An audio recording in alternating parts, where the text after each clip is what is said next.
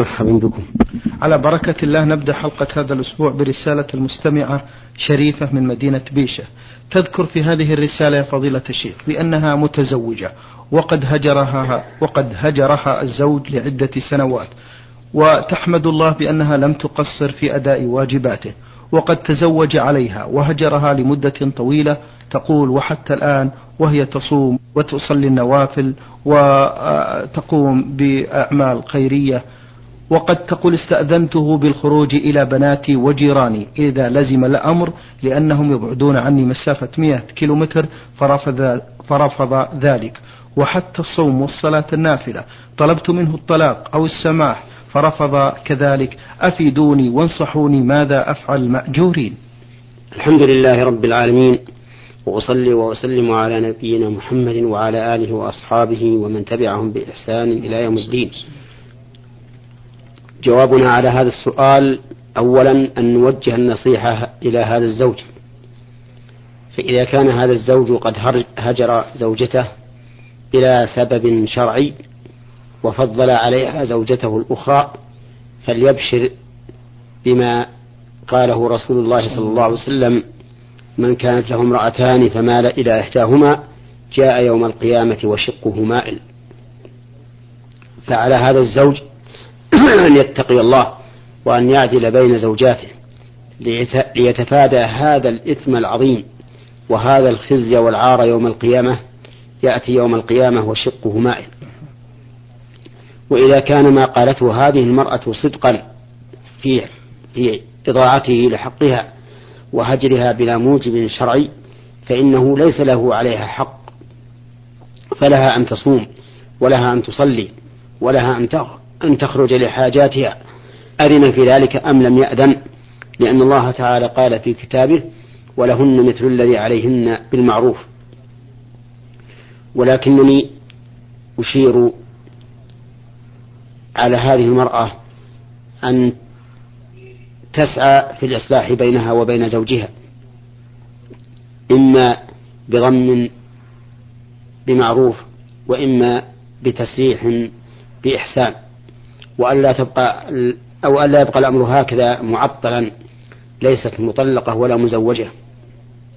لأن هذا ضرر عليها وتفويت لحياتها. ولعل الله أن يرزقها خيرا منه إذا قدر الفراق بينهما لقوله تعالى وإن يتفرقا يغني الله كلا من سعته. نعم. بارك الله فيكم. نعود إلى رسالة المستمع حامد إبراهيم بالرياض يقول إذا أفتى الإنسان فتوى لأحد من الناس ثم ذهب هذا المفتي وبعد حين من الزمن راجع هذا المفتي أقوال أهل العلم فوجد فتواه خطأ فماذا يعمل؟ وهل عليه إثم؟ نرجو الإفادة بهذا. إذا كانت الفتوى الأولى عن اجتهاد وكان هو جديرا بأن يجتهد.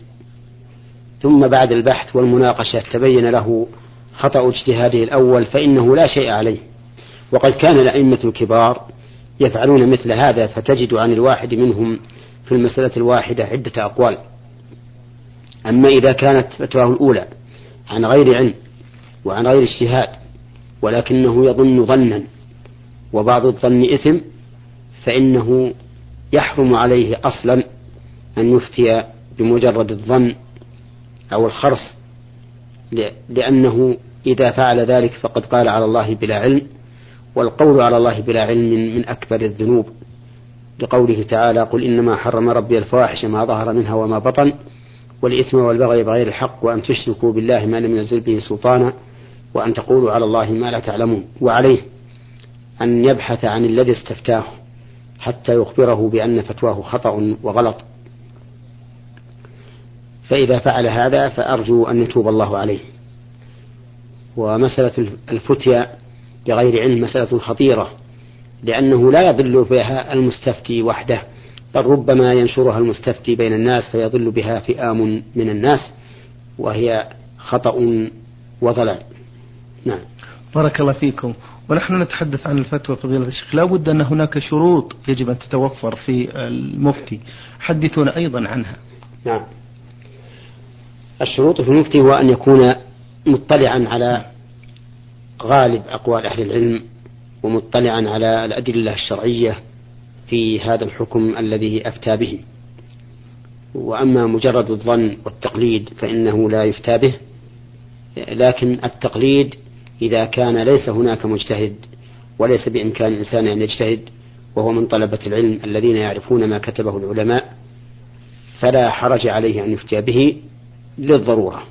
نعم. بارك الله فيكم. هذا عاد الفتح من جمهورية مصر العربية مقيم بالأردن يقول هل تجوز الصلاة في المساجد التي فيها أضرحة؟ أفيدونا جزاكم الله خيرا. السؤال عن هذا كثير جدا وقد بينا فيما سبق أن المساجد التي فيها أضرحة لا تخلو من حالين. الحال الأولى أن يكون المسجد مبنيا على القبر وفي هذه الحال يجب هدم المسجد ولا تجوز الصلاة فيه ومن صلى فيه فصلاته باطلة لأن النبي صلى الله عليه وسلم قال لعنة الله على اليهود والنصارى اتخذوا قبور أنبيائهم مساجد وهذا يدل على أن اتخاذ الأنبياء اتخاذ القبور مساجد موجب للعنة الله عز وجل وكبيرة من كبائر الذنوب.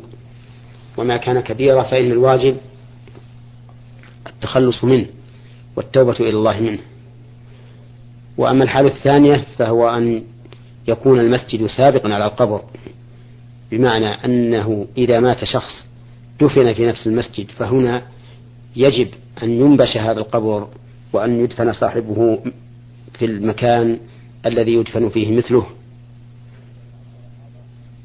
وإذا تعذر هذا فالصلاة في هذا المسجد جائزة لكن لا يكون القبر أمام المصلين لأن النبي صلى الله عليه وسلم نهى عن الصلاة إلى القبور. بارك الله فيكم. يقول جمعنا صلاة الظهر مع العصر في المسجد بسبب الأمطار. وقام بعض المصلين بالصلاة بعد العصر على أساس سنة الظهر البعدية. فهل تجوز الصلاة بعد العصر في هذه الحالة؟ أفيدونا أيضا بهذا. نعم. إذا جمع الإنسان بين الظهر والعصر جمع تقديم أو جمع تأخير فإنه لا حرج عليه أن يصلي سنة الظهر البعدية بعد صلاة العصر. وذلك لأن هذه السنة لها سبب والصلوات التي لها سبب لا تدخل في النهي لا تدخل في الصلوات المنهي عنها. وإنما النهي عن الصلاة المطلقة التي يقوم الإنسان ليتطوع بالصلاة في أوقات النهي لغير سبب. أما ذوات الأسباب فالقول الراجح من أقوال أهل العلم أنه ليس عنها نهي فيجوز للإنسان أن يصلي تحية المسجد بعد العصر وبعد الفجر وأن يصلي سنة الوضوء كذلك بعد العصر وبعد الفجر. وكل صلاة لها سبب فهذه قاعدتها. لا تدخل في أوقات النهي. نعم.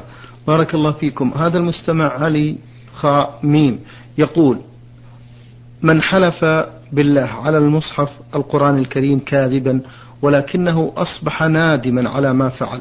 فماذا يفعل أرجو الإفادة والإجابة حول هذا؟ الحلف بالله كاذبا حرام بل عده بعض العلماء من كبائر الذنوب سواء حلف على المصحف أم لم يحلف على المصحف. والحلف على المصحف من الأمور البدعية التي لم تكن معروفة في عهد النبي صلى الله عليه وسلم. ولكنها أحدثت فيما بعد. فمن حلف بالله كاذبا سواء على المصحف أو بدونه فإنه آثم بل فاعل كبيرة عند بعض العلماء فعليه أن يتوب إلى الله فيندم على ما مضى ويعزم على ألا يعود في المستقبل. ومن تاب تاب الله عليه. لقول الله تبارك وتعالى قل يا عبادي الذين أسرفوا على أنفسهم لا تقنطوا من رحمة الله. إن الله يغفر الذنوب جميعا. إنه هو الغفور الرحيم. فإن هذه الآية نزلت في التائبين. نعم. هذا المستمع للبرنامج رمز لاسمه بألف ألف يقول هل تجوز الصلاة في عشرة أشخاص يوم الجمعة؟ أرجو بهذا إفادة. يريد السائل أن الجمعة هل تنعقد بعشرة أشخاص؟ نعم. وجوابنا على هذا أن نقول إن هذا موضع خلاف بين العلماء فمنهم من قال إن الجمعة لا تنعقد بأقل من أربعين. منهم من قال لا تنعقد بأقل من اثني عشر رجلا. ومنهم من قال تنعقد بثلاثة رجال. والصحيح أنها تنعقد بثلاثة رجال. وبأربعة وبخمسة وبعشرة فما زاد. إذا كانوا مستوطنين في هذه القرية فإنهم يقيمون الجمعة لأن الثلاثة جمع. يكون إمام يخطب ومؤذن يؤذن ومأموم تابع. فيتقدم الإمام ويصلي بالرجلين وكذلك ما زاد. هذا هو القول الراجح في هذه المسألة أن الجمعة تنعقد بثلاثة فأكثر إذا كانوا مستوطنين في بلد سواء كان كبيرا أم صغيرا. هذا المستمع أحمد مطيري يقول هل من قرأ سورة ياسين؟ آه، قد نعم. تقول كيف يكونون مستوطنين في بلد كبير وهم ثلاثة؟ نقول نعم يمكن هذا فيما لو كانت البلد بلد كفر وهؤلاء الثلاثة مسلمون لا يوجد غيرهم وهم ممن لا تجب عليهم الهجرة. للعجز عنها أو لكونهم يستطيعون أن يقيموا شعائر دينهم في هذا البلد. ففي هذه الحال يقيمون الجمعة وهم ثلاثة ولو كانت البلد كبيرة. المستمع عبد الهادي سيف من اليمن يقول عند صلاة عندنا صلاة الصبح جماعة في المسجد يأتي الإمام بدعاء القنوت ونحن لا نؤمن معه. فهل صلاتنا صحيحة وما نصيحتكم لهذا الإمام؟ بارك الله فيكم. القنوت في صلاة الصبح سنة عند الشافعي نعم. أو عند أصحاب الشافعي وهو من الأمور التي يسوغ فيها الاجتهاد فإذا كان هذا الإمام يقنت بناء على ما ظهر عنده من الدليل فلا حرج عليه في ذلك. وعلى المأموم أن يتابعه ولا يتخلف عنه ولا يسجد يسجد قبله. ويؤمن على دعائه أيضا. فإن الإمام أحمد رحمه الله سئل عن الرجل يأتم بقانت في الفجر فقال يتابعه ويؤمن. يعني يؤمن على دعائه. وإذا لم يؤمن فصلاته ليس فيها يعني ف وإذا لم يؤمن فإن صلاته صحيحة. لكن كونه يؤمن ويتبع الإمام ولا يثر المخالفة أحسن وأولى. يقول في السؤال الثاني عندنا في شهر رمضان المبارك قبيل صلاة الظهر والعصر يرفع الجالسون في المسجد أصواتهم بدعاء جماعي. هو أشهد أن لا إله إلا الله أستغفر الله نسألك الجنة ونعوذ بك من النار ثلاثا. وبعد هذا الدعاء اللهم إنا إنك عفو تحب العفو فاعف عنا ثلاثة ثم تقام الصلاة. فما رأيكم بهذا الدعاء؟ رأينا في هذا الدعاء أنه دعاء بدعي.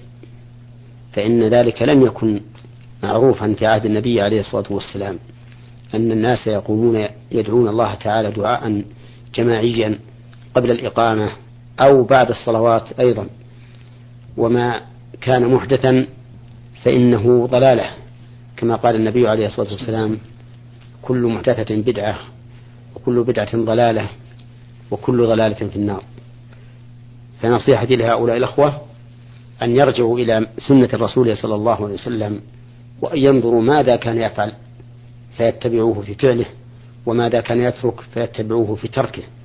فإن سنة الرسول صلى الله عليه وسلم فعل وترك. فما وجد سببه في عهد النبي صلى الله عليه وسلم ولم يفعله علم أن تركه هو السنة. وهم إذا رجعوا إلى ما جاء في السنة في هذه المسألة علموا أن النبي صلى الله عليه وسلم لم يكن يفعل ذلك ولا فعله خلفاؤه الراشدون فيما نعلم. والمؤمن حقا هو الذي إذا قضى الله ورسوله أمرا لم يكن له الخيرة من أمرهم. نعم. بارك الله فيكم.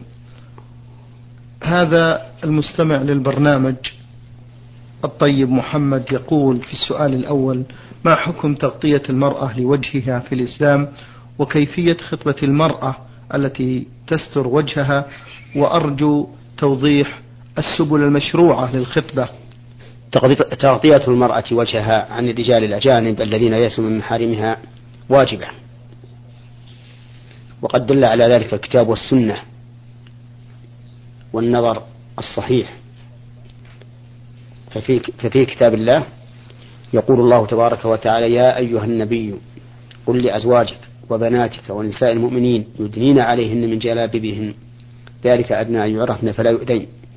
ولما أمر النبي صلى الله عليه وسلم النساء بالخروج إلى مصلى العيد قلنا يا رسول الله إحداهن ليس لها جلباب قال لتلبسها أختها من جلبابها.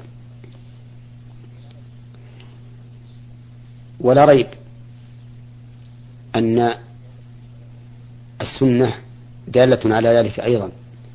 ففي حديث فاطمة بن قيس قال لها النبي عليه الصلاة والسلام اعتدي في بيت ابن أم مكتوم فإنه رجل أعمى تضعين ثيابك عنده. ومن المعلوم أن النبي صلى الله عليه وسلم لم يكن يقصد أنها تضع الثياب حتى تكون عارية بل تضعين ثيابك التي جرت العادة أن تلبسيها عند غير المحارم لأنه رجل أعمى. ولا ريب أيضا أن النظر يقتضي وجوب ستر الوجه عن الرجال الأجانب لأن الوجه هو محط الفتنة وهو محل الرغبة من, من الرجال. ولهذا لا ينظر الرجل إلى المرأة إلا إلى وجهها ولا يعتبر في الجمال إلا وجهها. والخاطب إذا خطب المرأة وكان يعتني بالجمال لم يسأل إلا عن الوجه لأن الوجه هو كل شيء. فإذا كان هذا هو محط الفتنة ومحل الرغبة فإنه يجب ستره من باب أولى من ستر الرجل. وإذا كان عند الذين قالوا إن الوجه يجوز كشفه إذا كان كشف الرجل عندهم محرما فإن كشف الوجه من باب أولى لأن الفتنة الحاصلة بكشف الوجه أعظم بكثير من الفتنة الحاصلة بكشف الرجل.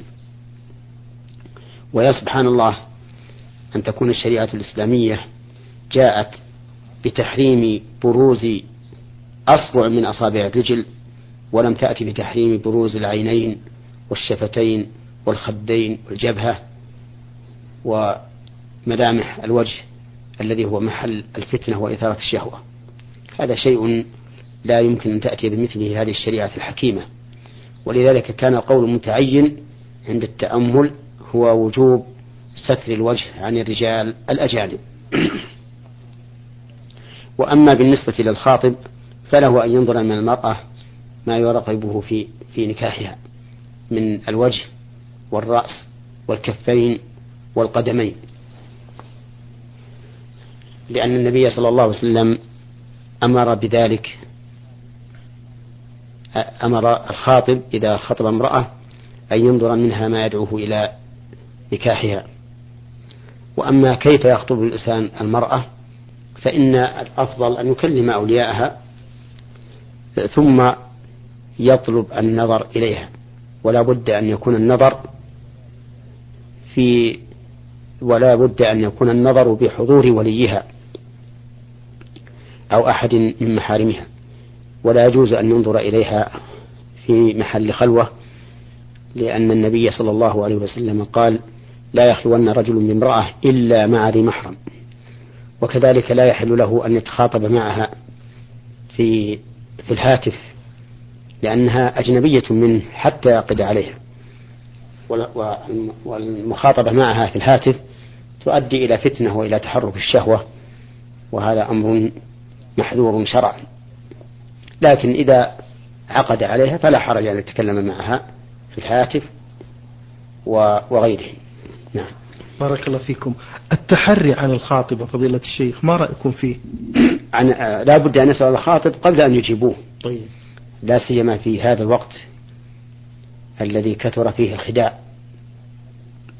فإن الواجب التحري تحريا كاملا بحيث يسأل عن دين الرجل قبل كل شيء عن صلواته وعن مماشاته ثم عن أخلاقه وعن طبائعه وسجاياه. ثم عما يريدون أن يسألوا عنه من الأمور الأخرى التي تعتبر فرعا عن هذين الأمرين. ولهذا قال النبي عليه الصلاة والسلام إذا أتاكم من ترضون دينه وخلقه فأنكحوه. ولا بد من التحري غاية التحري. طيب. فإن كثيرا من النساء يشكو من أنهن يتزوجن برجال يعتقد يعتقدن فيهم الصلاح فيتبين أنهم ليس عندهم صلاح. حتى أن بعض النساء تشكو من أنها أن الزوج الذي تزوجت به لا يصلي وبعضهن تشكي بأنه لا يصلي الصلاة في وقتها بعضهن تشكو من أنه لا يصلي مع الجماعة بعضهن تشكي بأنه مغرم الغزل مع النساء بعضهم تشكو بأنه مغرم بالأغاني وما أشبه ذلك. فالواجب التحري قبل الإجابة. وإذا قدر أنهم يجيبونه في يوم